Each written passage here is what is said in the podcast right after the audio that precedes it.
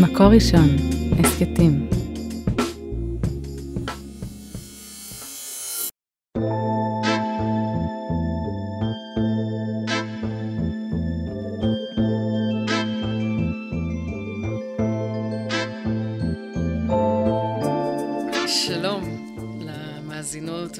וגם למאזינים, ואני שמחה שאתם אה, איתנו בפרק אה, נוסף בהסכת אה, סטורי משלך, בו אנחנו משוחחים, לומדים, מדברים, משתפים על דמויות של נשים מתקופות שונות בהיסטוריה היהודית. אני עליזה לביא. ובמחקרים שלי אני לומדת על הרבה מאוד אה, תופעות ונושאים שקשורים אה, לחיי אה, נשים לאורך ההיסטוריה היהודית, וכמה פעמים נעצרתי ושאלתי את עצמי על המקום שלי בדור הזה, על התחושה שפעמים רבות אנחנו אה, חושבות וחושבים שאנחנו יודעים הכל וקוראים ומקדמים דברים שמעולם לא קידמו אותם. ולא אחת קרה לי במחקר שיצאתי אליו לפני כ-20 שנים, שגיליתי אמ, שאני חייבת לפתח צניעות. צניעות והבנה, ובעיקר אה, כבוד לנשים שהיו פה לפניי. להרבה מאוד אה, נשים שלכאורה, אולי בקטגוריות אה, מחקריות או בהבנות סטריאוטיפיות על תקופות אחרות, על פעם, על מזמן, על ימים שנשים היו מודרות, הן בטח לא יכלו ולא עשו ולא קידמו. ואחת העדויות, התופעות המרתקות שפגשתי, לימדה על מערכת איסוף כספים שמבוססת על נשים לבדן שהגיעו לכאן לארץ ישראל במאה ה-17, בראשית המאה ה-17, שחיו כקהילה על כל מה שמשתמע. הרבה לא מצאתי, ואני מאוד שמחה לארח כאן בפודקאסט שלנו, סטורי משלך, את אחד האנשים המרתקים במחקר ובכלל, שיחשוף אותנו וייקח אותנו למסע שלו אל אותה קהילה מרתקת ומיוחדת שלא הייתה ידועה עד עתה בתולדות ההיסטוריה של ארץ ישראל, או ואם ככה נדבר על נשים שמגיעות לכאן, כן, נשים הגיעו לירושלים, בכלל לארץ ישראל, לבדן, מעין עלייה לרגל. אז אני מאוד מאוד שמחה לארח כאן את פרופסור הלל חנן ריינר, שהוא היסטוריון ישראלי, פרופסור אמריטוס במחלקה להיסטוריה של עם ישראל באוניברסיטת תל אביב, ולשעבר המנהל האקדמי של הספרייה הלאומית. ויחד איתו לצאת, לנדוד ולהכיר את אחת הקהילות המרתקות של נשים שהיו כאן בירושלים לפני מאות בשנים. שלום פרופסור ריינר. שלום עליזה. איזה שמח כיף. להיות פה. אני כל כך שמחה שאתה פה באולפן, וללמוד באמת על נשים שמגיעות לכאן, לירושלים, ויוצרות קהילה, כולל איסוף כספים, שבאה וקוראת תיגר אולי על המערכת הקיימת פה, שלא סופרת אותן. אהה, זה נכון. זה נכון חלקית אמנם, אבל כדי ללכת בעקבות הדרמה, אני אתחיל בקריאה של טקסט מסוים, שכשקראתי אותו לראשונה, השתאיתי, אני מוכרח לומר. הוא אכן מפתיע בצורה בלתי רגילה. לאט לאט, כמובן, אחרי שפירקנו את הנדבך אחרי נדבך, אבן אחרי אבן, אז נוצר ההסבר, ותמיד ההסבר מקלקל את הסיפור הגדול. אז נתחיל עם הסיפור הגדול קודם כל. הקטע שאני רוצה לקרוא לכם תחילה, זה קטע של איגרת שליחות, ביידיש. היא פורסמה כבר מזמן, היא פורסמה סביב 1950 על ידי ביבליוגרף חשוב ביותר, אברהם יערי, שחלק מאיתנו מכירים אותו בתור זה שאסף את איגרות ארץ ישראל, זיכרונות ארץ ישראל, שלוחי ארץ ישראל. תפילות הנשים. תפילות נשים. בין השאר, יערי פרסם מאמר קטן שכוח אל שנקרא שתי איגרות מארץ ישראל, כיוון שהוא מיהר, הוא לא תרגם אותו. זה היה מאמר, אחת התעודות, אחת האגרות, הייתה ביידיש, והיא נותרה ביידיש. אני יודע קצת יידיש, לא יידיש עתיקה, וזה יידיש עתיקה, אבל למזלי הטוב, אחד מה... אם אנחנו מדברים על נשים, אז לימיני עומדת חברתי הטובה, פרופסור חווה טורניאנסקי, שאין בלתה, מורה גדולה ליידיש עתיקה, ותרגמה עבורי את הקטע. שכמו שהיא תרגמה את אה, גליקל, והחזירה והדירה את גליקל מהאמלן. דורות של אוהבי יידיש, שאין כמותם, אין, אין כמו חווה, רק שתעמיד תלמידים הרבה. אז היא תרגמה לי את הקטע הזה, הנחתי מה שיש בתוך הקטע כשהיא תרגמה, אבל עד כדי כך לא העליתי על דעתי ולא הייתה לי ברירה להתחיל פשוט לעבוד, להבין מה עומד מאחוריו. אז אני מציע שכמוני, אני אפתיע אתכם עם הטקסט עצמו. הוא טקסט מפתיע, התרגום כולו של חווה ואני שולח לה ברכת רפואה שלמה. גם כאן. אנחנו מצטרפים ומזכירים לה עד כמה אנחנו אוהבים אותה, ורק פריימינג על השנה. אנחנו מדברים עכשיו על... רגע, רגע, למה מיד? 아, טוב, אני לא הורסת לך. קודם כל איגרת, אמצע המאה ה-17. אנחנו יוצאים לטיול. אמצע המאה ה-17. אה, תמנו, כך כותב, כותבות הנשים, חבורת נשים ירושלמיות, אשכנזיות. הם לא נולדו בירושלים, זה אנחנו נטפל בשאלה הזאת אחר כך. לוקחות אדם בשם שמואל הלוי מאיש פרנקפורט וממנות אותו לשליח. ממנות אותו לשדר, לשליח ארץ ישראל, רק הוא. הוא הגבר היחידי בסיפור. לא, יש עוד גבר אחד, זה הסופר שכותב את האיגרת הזאת. השאר זה רק נשים, תכף תראו עד כמה רק נשים. והאיש הזה דווקא, למה הן סומכות עליו ולא, ונותנות לו את הזכות להיות השליח שלהם, או שנגיע לזה או שלא. אבל הן עושות מאמץ עליון לא לתת לאף גבר לגעת בכל הסיפור. אז בינתיים יש לנו קבוצת נשים, אחרי זה נתחיל לבחון מה הן עושות. הן פונות לנשות הגולה, רק לנשות הגולה. כלומר, לנשים מהאזורים שהם מגיעים מהם. כלומר, אה, מאזור פולין ואשכנז, כן? גרמניה, אוסטריה, פולין, ליטא, אותם אזורים שאנחנו קוראים להם היום האזור, תחום התרבות האשכנזי, חלקו מרכז אירופה, אבל בעיקרו מזרחה. תמנו, כך הם כותבים, נשים צדקניות. הן פונות לנשים שנמצאות שם. תמנו נשים צדקניות, מיוחסות ונאמנות, שיהיו גבאיות בכל הערים והקהילות, גדולות וקטנות. וכל מה שיאספו יחזיקו בנפרד כדי לשלוח לקהילת קודש ירושלים לסיוע, שימו לב, האלמנות והיתומות העניות.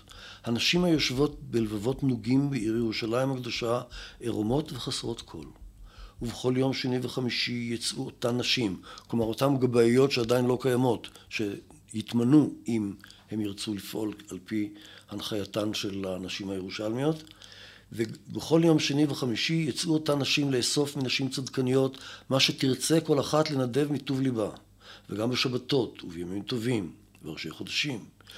ובכלל, בכל עת שמזדמנת שמחה כלשהי, גם כל פעם שאישה הרה או קורעת ללדת, כשהיא זועקת בציריה בעודה יושבת על המשבר וזועקת לאוהלים.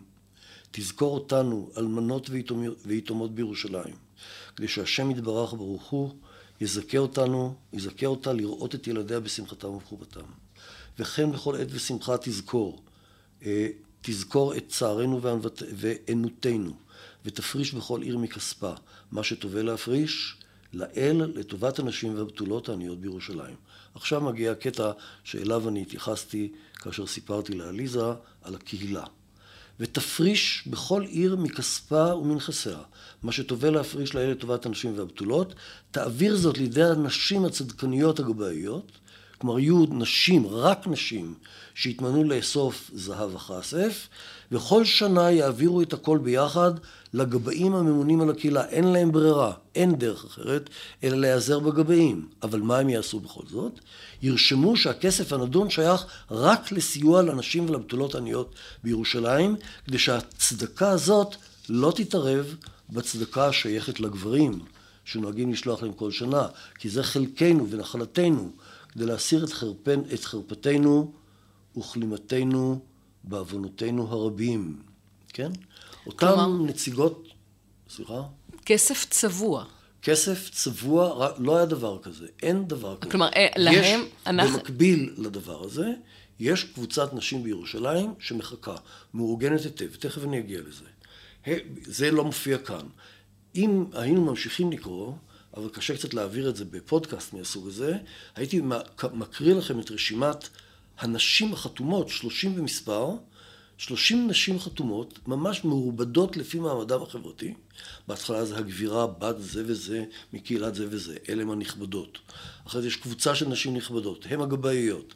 לאחריהן מגיעות היתומות והאלמנות שהזכרנו קודם, שהן במקור, הקהילת, קהילת הנשים בנויה על נשים מאוד נכבדות, שמיד אני אספר מי הן ומה הן, ואולי אני אפילו אקריא קטעים איך הם רואים אותם. אבל יחד איתם מגיעות גם נשים עניות לירושלים. את התופעה הזאת אני גם אסביר מיד.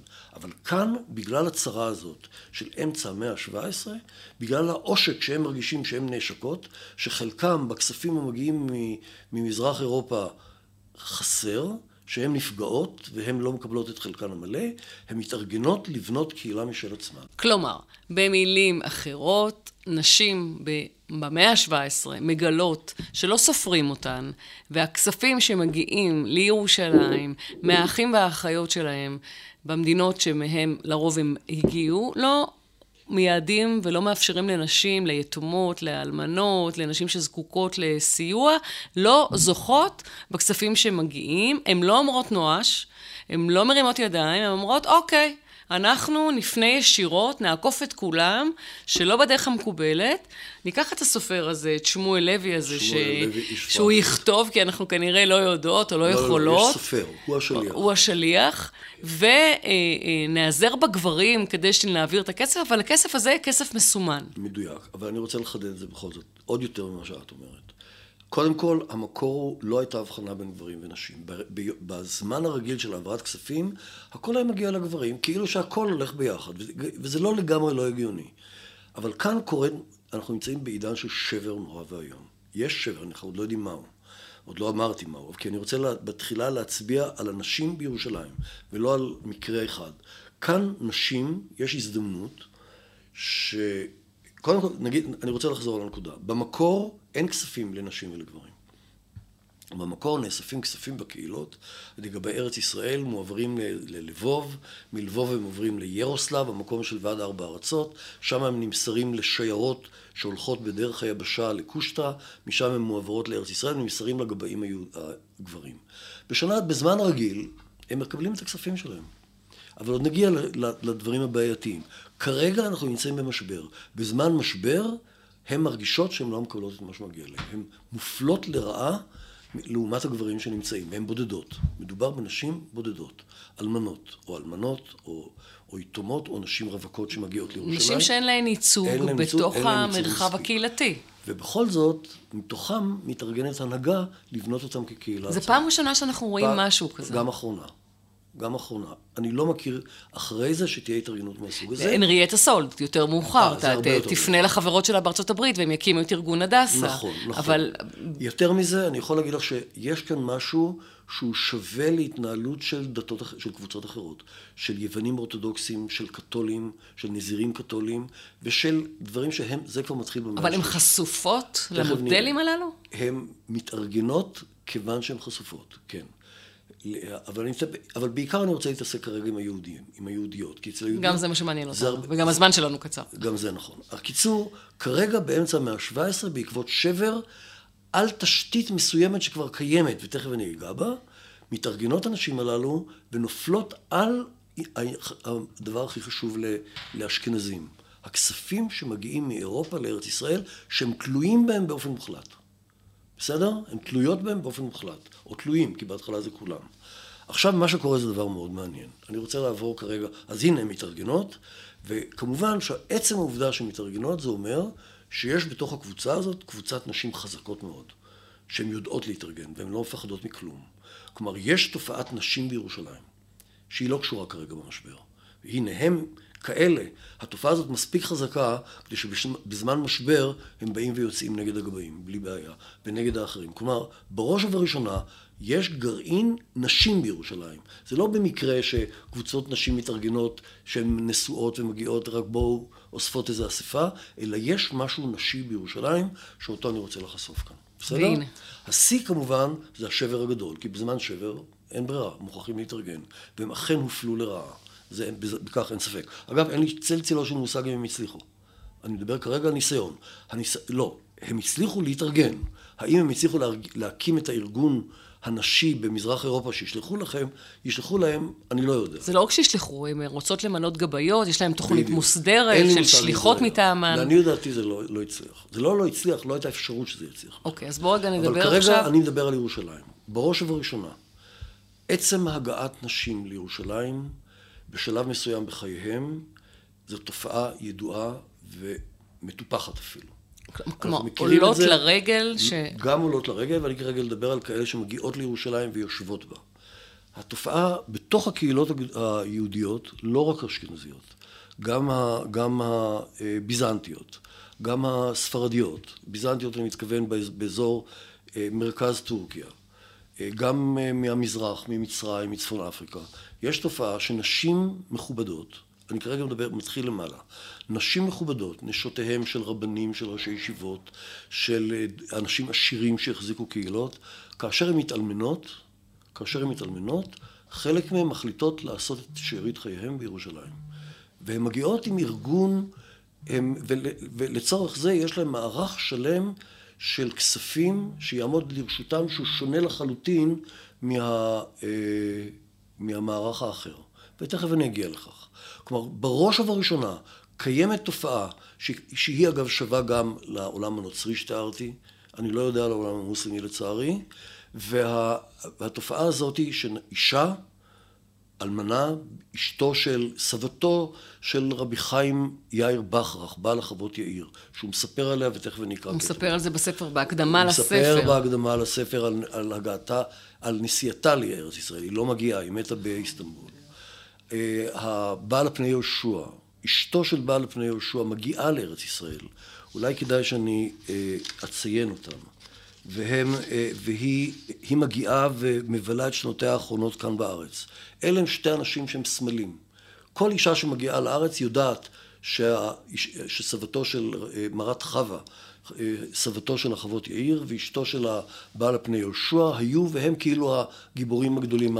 הן עוזבות את הבית שלהם, הן אורזות אותו, עוזבות את הילדים או הילדים אה, והנכדים, כן. ולא רואות ביהודן להיות אה, האימא הגדולה של המשפחה, אלא להגיע לירושלים. מאיפה זה מגיע? מי... מי... זה מגיע מכך שעוד במאה ה-15 אנחנו מכירים את התופעה הזאת שנשים אלמנות מגיעות לירושלים. שם אנחנו לא יכולים להצביע מי הן הנשים הללו, אבל אנחנו יודעים שהקהילה, שהן פטורות מלשלם מס, כי העיזבון שלהם עובר לקהילה. כלומר, יש להם מעמד מיוחד. יותר מאוחר, אפילו יש להם שכונה מיוחדת. במאה ה-15.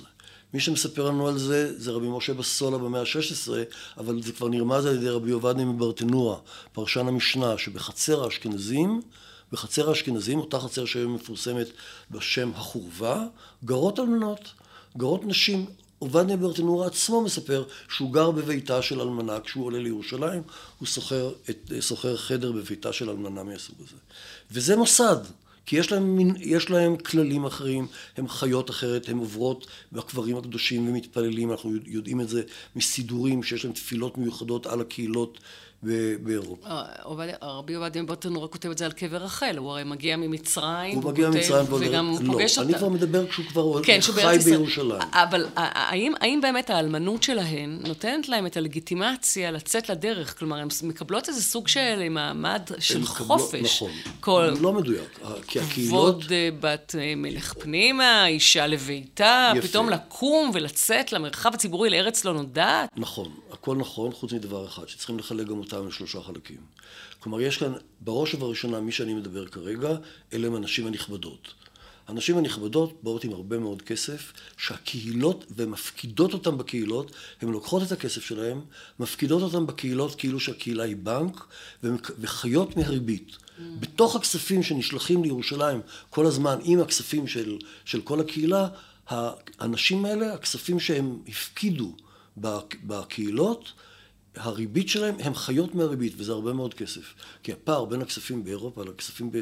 לערך הכסף בארץ ישראל הוא גדול, והם חיות ברמה מאוד גבוהה עד כדי כך שמוצאים עליהם כל מיני רכילויות גם כן לפעמים. Okay. אוקיי. אבל בראש ובראשונה יש את הגרעין הקשה, שנשים שמאוד נכבדות, לכן הן יכולות להתארגן כאשר מתחיל השבר הגדול, כשמתחיל השבר הגדול שאיתו התחלתי באיגרת הזאת, אז הן מתארגנות, הן יודעות מה זה להתארגן, הן היו גבאיות, הן היו נשות ראשי ישיבה, הן היו נשות, נשות פרנסים, אין להן חשש מה, מהגברים בתוך מה זה. מה יגידו עליהן? אין להן בעיה מה יגידו, הן חזקות, הן יודעות איך לפעול, הן יודעות שבקהילות יתמכו בהן, והן יוצאות לדרך. אבל הדבר המעניין הוא שבצד הנשים הללו יש נשים אחרות.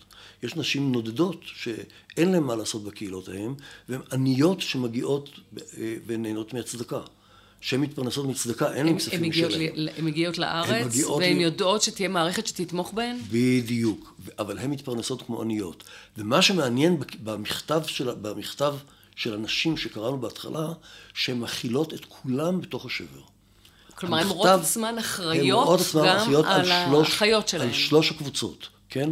על הבתולות, על האלמנות שאינם מאלה, וכמובן היתומות הללו. והם, אה, אה, כלומר, במילים אחרות, יש לנו קודם כל מסורת ארוכה. אנשים יודעים מה זה הנשים הללו. זה לא איזו הפתעה שפתאום מופיעות נשים. יש מסורת ארוכה שסוג מסוים של נשים יכולות לבחור את דרכן, אגב, זה גם גברים. יש גם גברים שכאשר חייהם משתנים, הם גמרו את ה... התאלמנו הם, הם גם יגיעו, אבל הם כבר נבללים בתוך הקהילה הארץ ישראלית. הנשים תמיד יעמדו לעצמן. ולכן גם יש להם מעמד כלכלי. אולי אם הייתי אה, מצליח למצוא את הקטע שרציתי, הייתי מראה לכם איך עובדיה ברטנורה מספר, אה, איך רבי משה בסולה מספר על מעמדם המיוחד. הקהל מכל המינים, מספר רבי משה בסולה, 1525. יש חמישה עשר בעלי בתים אשכנזיים, ספרדים לרוב, מסתערבים, כלומר, היסוד המקומי דובר ערבי. אז גם המילה מסתערבים היא מילה כבר אה, ותיקה. אוקיי, כלומר... הם מוריסקוס. דיברנו על צניעות ועל ללמוד מהעבר, ולהבין שאנחנו לא הראשונים לא שממציאים דברים. ו... מסתערבים זה שם ותיק מאוד. מסתערבים זה מילה בערבית. לעומת מוריסקו, שזה בדיוק אותו דבר, אלה שמתנהגים כמו מורים, כמו ערבים. מסתערבים, פירושו דבר, המדברים ערבית, שזה היסוד המקומי, אלה mm-hmm. שחיים פה. Mm-hmm. תושבי הארץ מקדם, ומערביים, שבאו מברבריה, כלומר מצפון אפריקה. בין כולם 300 בעלי בתים, שימו לב, מלבד אלמנות שהן יותר מ-500, ומתפרנסות בשופי, מתפרנסות טוב מאוד, שאין פה עוד שום מס ועול. ומהן, למה הן לא מתפרנסות? למה הן מתפרנסות טוב? כי מהן מתפרנס הקהל. כי במותן ייקחו הכל. וואו. כשהם ימותו, כל הרכוש שלהם יעבור לקהל. הקהילה. ותמורת זה הן לא משלמות מס והן נהנות מכל הסיפור. אתם מבינים? זה לא רק שהן חיות טוב, יש להן מסגרת. יש כללים, והן מגיעות לירושלים למוסד נשי לחלוטין, כן? ומזה נעשים רוב צורכי הציבור. רוב צורכי הציבור, הציבור בא מהירושות של אותן נשים שעולות עם כספם. כן? מקבלי צדקה הם יותר מ-200 נפשות, ואז מגיעים מקבלי הצדקה, העניים שאמרנו, כן? והרבה צדקה באה ממצרים ותוגרמה, והעניים האשכנזים הם לא שם, כי הם, יש להם פרנסה מוונציה. יש להם את הכסף שמגיע ממקור אחר. אני לא רוצה להיכנס לפרטים האלה, כי אנחנו צריכים להתמקד בנשים. עכשיו, מה שאני רוצה לציין כאן עוד דבר. אז אמרנו, לנשים יש מעמד מאוד מיוחד. אני רוצה לקחת את ה... את ה איך הקהילה מתארגנת, איך הסמלים שלה. הזכרתי קודם את, אה, את, את מרת ביילה, לא הזכרתי את שמה, אני אומר את שמה עכשיו. וזה אה, אלמנתו של רבי יהושע פלקה כהן, בעל הפני יהושע, שהוא תלמידם של גדולי חכמי פולין, תלמיד המהרש"ל, תלמיד רמה, הוא בעל ספר מאירת עיניים, סליחה, בעל ספר מאירת עיניים. הוא היה מחשובי ראשי הישיבות בפולין, היה רב של קהילת לבוב. אני רוצה לספר איך הבן מספר על אימא שלו שעולה לארץ ישראל. למה אני מספר אותה במיוחד? לא רק שיש לי את המידע הזה וכדאי להביא אותו, אלא היא אחת משני הדגלים. כל אישה יודעת שהיו שתיים מפורסמות במיוחד. אחת כבר הזכרתי, זאת מרת חווה, שעל שמה הוא הספר חוות יאיר, ונכדה הוא באמת מגדולי הדורות. אה, עדיין לא זכה אפילו להערכה שראויה לו. נכדו של המהר"ל אגב, או כן, נינו בעצם. וה... אבל דמות מדהימה בפני, מדהימה זו מילה איומה ונוראה, אדם ענק בלי, אה, בלי, בלי לעצמו שצריכים, okay. אוקיי. בדיוק. אבל אני רוצה לקחת דווקא את מי שקדם לו, מה שקדם לה לחווה, כי חווה לא הגיעה לארץ, למרות צד, צדקותה. אבל מרת ביילה כן הגיעה, אני רוצה להתייחס אליה קצת, איך הבן שלה, כלומר בנו, הבן של בעל הסמ"ש, רבי יהושע פלקה כהן, ושלה מספר על אמו. ואחר פטירת אבי מורי, חיבבה הארץ לעלות לארץ ישראל ולירושלים, וכאשר זכתה לדבר הזה, הולכת וסובבת על כל קברי הצדיקים שבכל עיר ועיר המונחים בארץ ישראל, ולסוף יושבת בירושלים, תיבנה ותיכונן במהרה בימינו כמו שמונה שנים. ושמעה הטוב נתרבה ונתגדל שם עד למעלה. ולדעתי מרוב גודל סיגוף נפשה במאכלים ובתעניתים, ושמעשה בעולם הזה רק לקנות נפשה עולם הבא, לא מלאו שנותיה.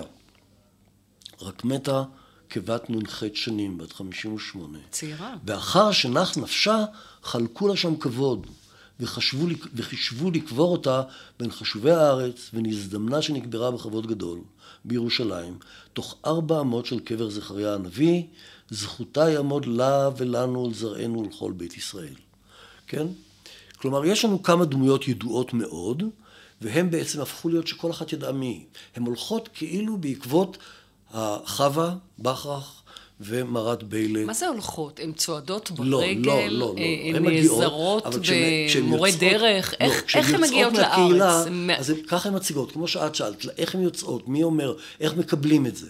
אז, אז כבר מקבלים את זה, כי יודעים שאשתו של בעל אסמה, הצדקת הגדולה, מרת ביילה, אם הייתי קורא חצי עמוד קודם, שהוא מתאר איך איש אמו טיפלה בבחורי הישיבה, ואיך אביה התייחס אליה, ושהיא לימדה ושיש חידושי תורה שהיא אמרה, בעיקר בהלכות נשים, שהוא מתאר אותם שם, ו...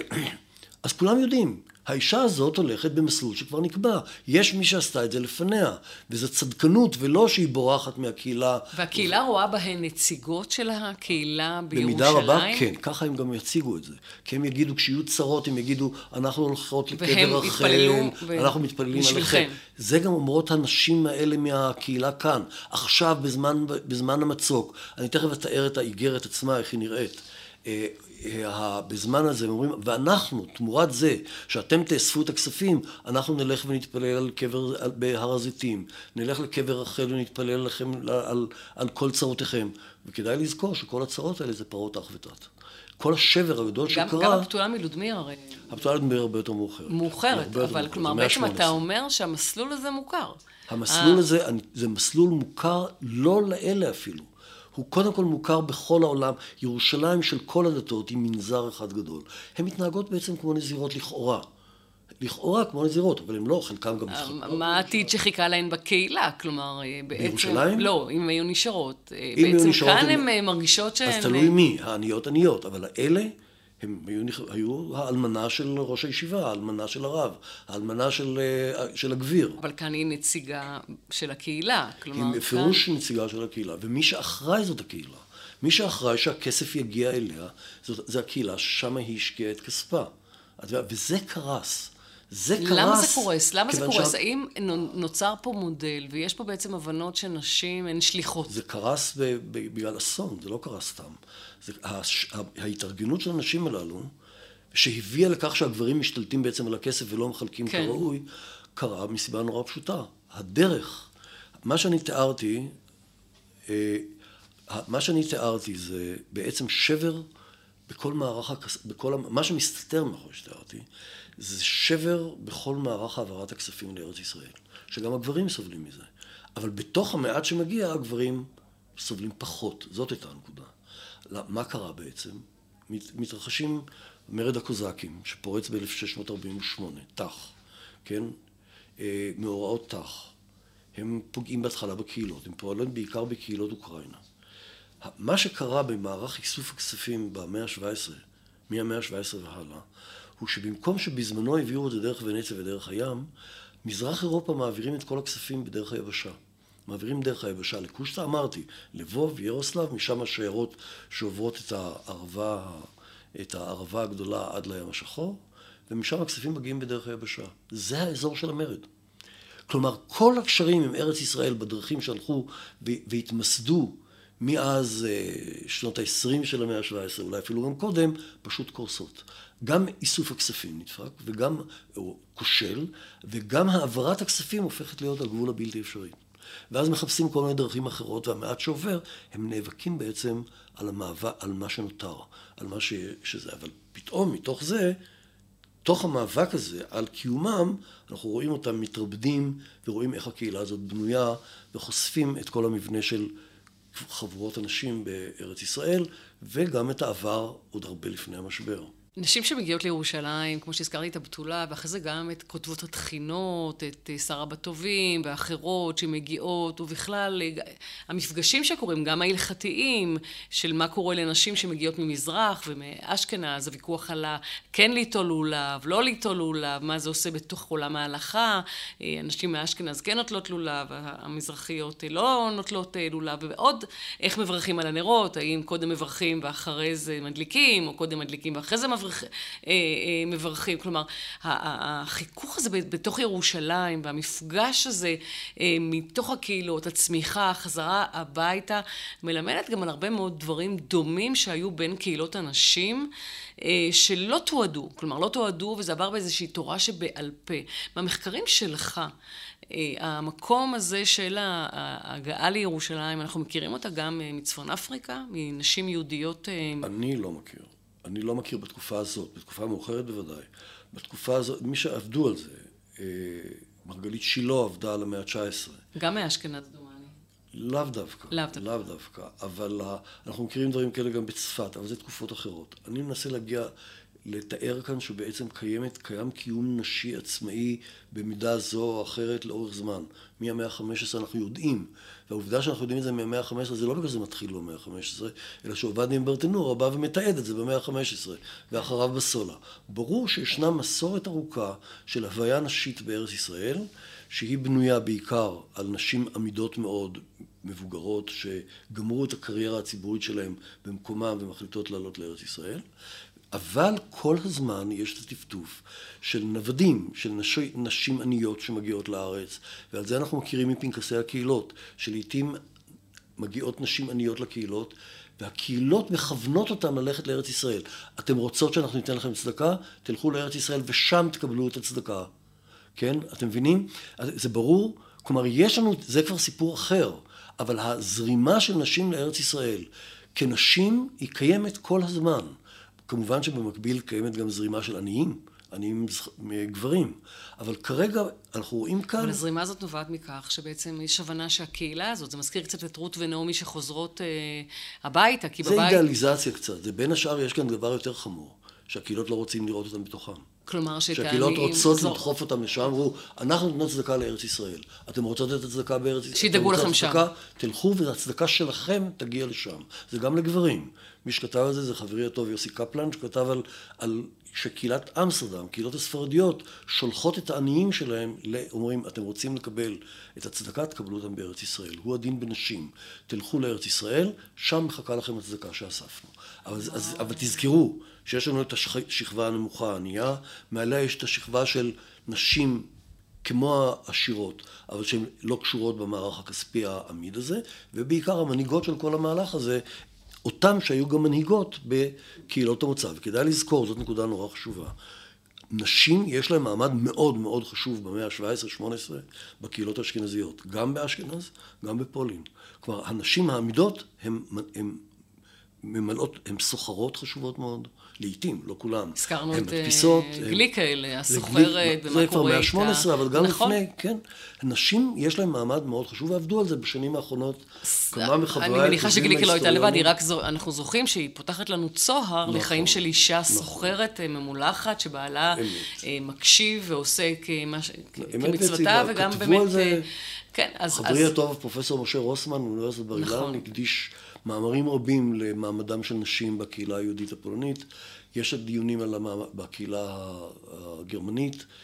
לנשים בעולם האשכנזי של ראשית העת החדשה יש מעמד לא מבוטל. לא שכל הנשים, ולא בכל מקום, אבל כעיקרון, הן ממוקמות היטב בתוך שכבת הסוחרים, בתוך שכבות, בתוך שכבות אה, של כותבות, את הזכרת את כותבות התחינות, אבל בעיקר הן פעילות בתוך המשפחות העמידות, הן פעילות בתוך העולם המסחרי, וגם בצד נש... בעליהם, ראשי הישיבות, המחברים וכן הלאה וכן הלאה. פרופסור ריינר, לסיכום, אמרנו שהמודל אה, קורס ואנחנו לא מוצאים אותו יותר אה, בהמשך? אנחנו מוצאים אותו, אבל המאבק, אני התמקדתי במאבק הזה של המאה ה-17 כדי לתאר את היכולות שיש בידי האנשים הללו כאשר יש את הצורך להפעיל אותם. אין יותר שבר מהסוג הזה שהם יצטרכו להתגבש מחדש, או לפחות עדיין לא, לא נתגלה המכתב הבא ביידיש שחווה תתרגם עבורנו ונראה איך זה מתקדם. איך זה מתקדם. מה, המכתב הזה הוא מין סרטון שעליו אנחנו, מין סרטון ש, שצף בתוך הים ומאפשר לנו לראות איך נשים שהריבוד החברתי שלהם הוא כזה, כפי שתיארתי, מתארגנות להתמודד בשעת צרה מעבר להתארגנות הרגילה של הקהילה. השיחה המרתקת הזאת מלמדת אותי שוב אה, יותר אה, מתמיד, שהרבה פעמים כשאין לנו תשובות לכאן ולעכשיו, כדאי שנחזור אחורה ללמוד אה, ולחלץ מהעבר תשובות לכאן ולעכשיו, כי מודל שכזה, בדרך עבודה שכזאת, גם לבנות רשת חברתית, עוד הרבה לפני עידן הפייסבוק והרשתות החברתיות, אלא לבוא ולייצר רשת של גבאיות, שתהיה בכל בית כנסת, ותפנה, ותעביר, ותעזור לנו, אנשים, בתמורה, אנחנו לא רק רוצות את זה בשביל עצמנו, אנחנו רוצות את זה כדי להתפלל אה, עבורכם ולשקם את הקהילה אה, בירושלים, ואולי גם איזה סוג של נו נו נו למערכת ההיררכית הגברית שלא ספרה אותן, והנה אנחנו אה, יכולות גם אנחנו בעצמנו לפנות אל הקהילות ששלחו אותנו. פרופסור ריינר, תודה רבה רבה על השיחה המרתקת ועל הצוהר שפתחת לנו באמת אל הקבוצה, על הקהילה של הנשים שפיתחה מודל איסוף אה, כספים שהתבסס על אה, נשים אה, לבדן. תודה, תודה, ותודה רבה גם לאוהד רובינשטיין על הסאונד ולאילי מויאל על העריכה וליהודית טל על ההפקה. את הפרק המרתק הזה, כמו את אה, שאר הפרקים בסדרה סטורי משלך, תוכלו למצוא בכל זמן באתר מקור ראשון, בספוטיפיי, באפל מיוזיק ובגוגל. נשתמע בפרק הבא. אני מחכה לכם.